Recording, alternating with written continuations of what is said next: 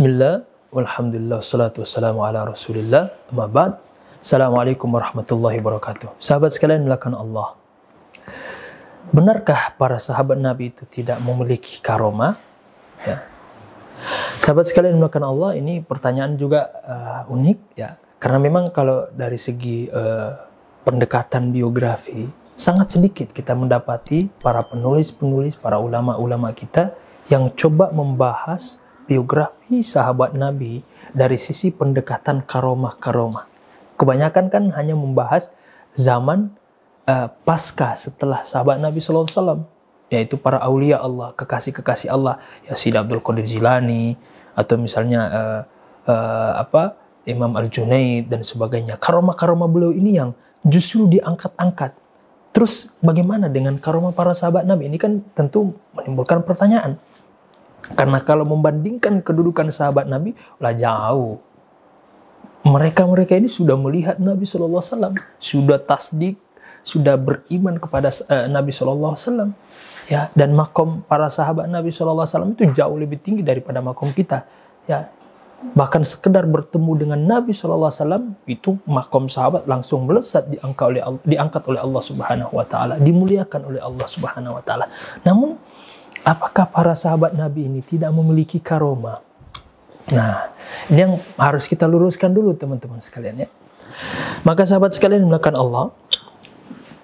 Jadi uh, mengacu kepada ayat di dalam Al-Qur'an di mana Allah menyebutkan tentang karakter para wali-wali Allah di mana Allah Subhanahu wa taala berfirman ala inna awliya Allah la khaufun alaihim wa lahum yahzanun amanu wa kanu yattaqun lahumul busyra fil hayatid dunya fil akhirah jadi karakter wali itu mereka tidak takut lagi kecuali kepada Allah. Mereka tidak bersedih hati karena mereka faham bahwa di alam semesta ini ada yang ngatur. Maka semua kejadian apa pun itu bahkan yang menimpa dirinya itu mereka faham bahwa itu adalah izin Allah Subhanahu wa taala. Itulah karakter dasar daripada wali-wali Allah, kekasih-kekasih Allah. Maka dengan karakter yang seperti ini, dengan keyakinan mereka bahwa uh, mereka punya Allah, maka Allah muliakanlah mereka. Allah berikan mereka apresiasi karena mereka telah beriman, telah meyakini, telah uh, mencintai Allah Subhanahu wa taala. Dengan apa bentuk apresiasi itu diberikan lahumul busyrah. Busyrah kabar gembira. Apa bentuk kabar gembiranya? Di antaranya adalah karomah. Ya, kalau orang Indonesia bilang karomah keramat ya. Jadi kesaktian-kesaktian ya, kurang lebih seperti itu ya hal-hal yang di luar nalar kebiasaan kemampuan manusia biasa. Nah, apakah sahabat tidak memiliki yang seperti ini? Sahabat Nabi, eh, sahabat-sahabat sekalian melakukan Allah, sahabat Nabi itu hidup di zaman mana? Atau dengan siapa beliau hidup? Kita semua sepakat bahwa hidup para sahabat Nabi hidup dengan Nabi Shallallahu Alaihi Wasallam. Ya bertemu, bertatap muka, bahkan bercengkrama dengan Nabi Shallallahu Alaihi Wasallam. Maka karoma itu teman-teman sekalian ibarat seperti cahaya, pelita, dan juga hiasan. Cahaya itu akan bermanfaat pada kondisi seperti apa? Apakah pada kondisi yang terang benderang atau malah sebaliknya bermanfaat pada saat kondisi sedang gelap atau pada situasi gelap? Maka kita akan memilih yang kedua. Tentu cahaya itu akan bermanfaat ketika dia berhadapan atau di tengah-tengah kegelapan. Sama seperti perhiasan yang kita sebutkan tadi. Perhiasan itu karena sifatnya dia menghiasi, maka dia akan lebih uh, terlihat istimewa ketika di, digunakan oleh misalnya orang-orang yang tidak sempurna. Dia akan melengkapi kesempurnaan itu. Sama seperti cahaya yang kita sebutkan. Maka Nabi Shallallahu Alaihi Wasallam sebagai pembawa pelita, beliau sebagai uh, apa permisalan seperti matahari cahayanya sangat terang benderang.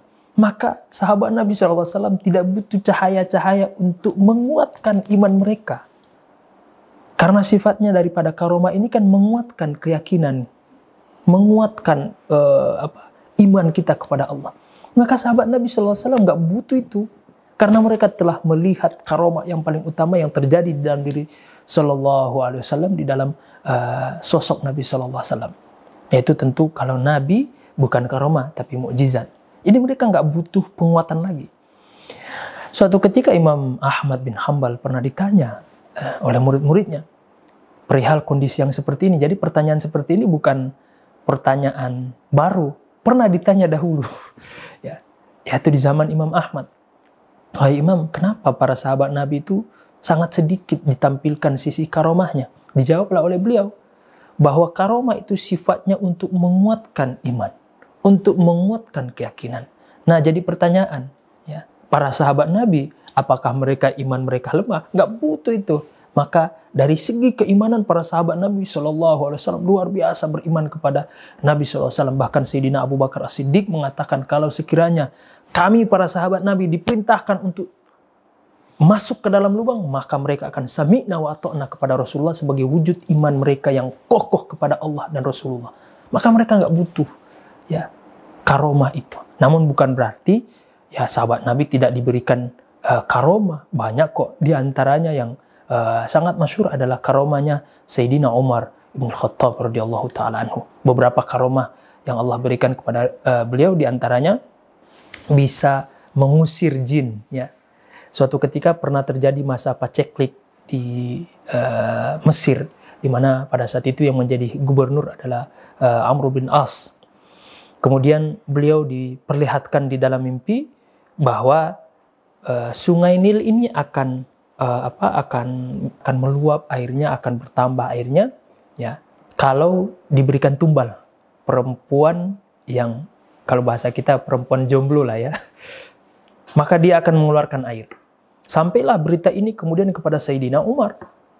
Beliau segera menuliskan di dalam surat itu disampaikanlah kepada Sayyidina uh, Amr bin As yang berisi kurang lebih uh, sampaikan kepada sungai Nil ya dengan nama Allah tentunya beliau tulis bahwa kalau engkau ya mengalir karena engkau sendiri yang membuat air itu mengalir, mengalir maka nggak usah mengalir kata Sidina Umar.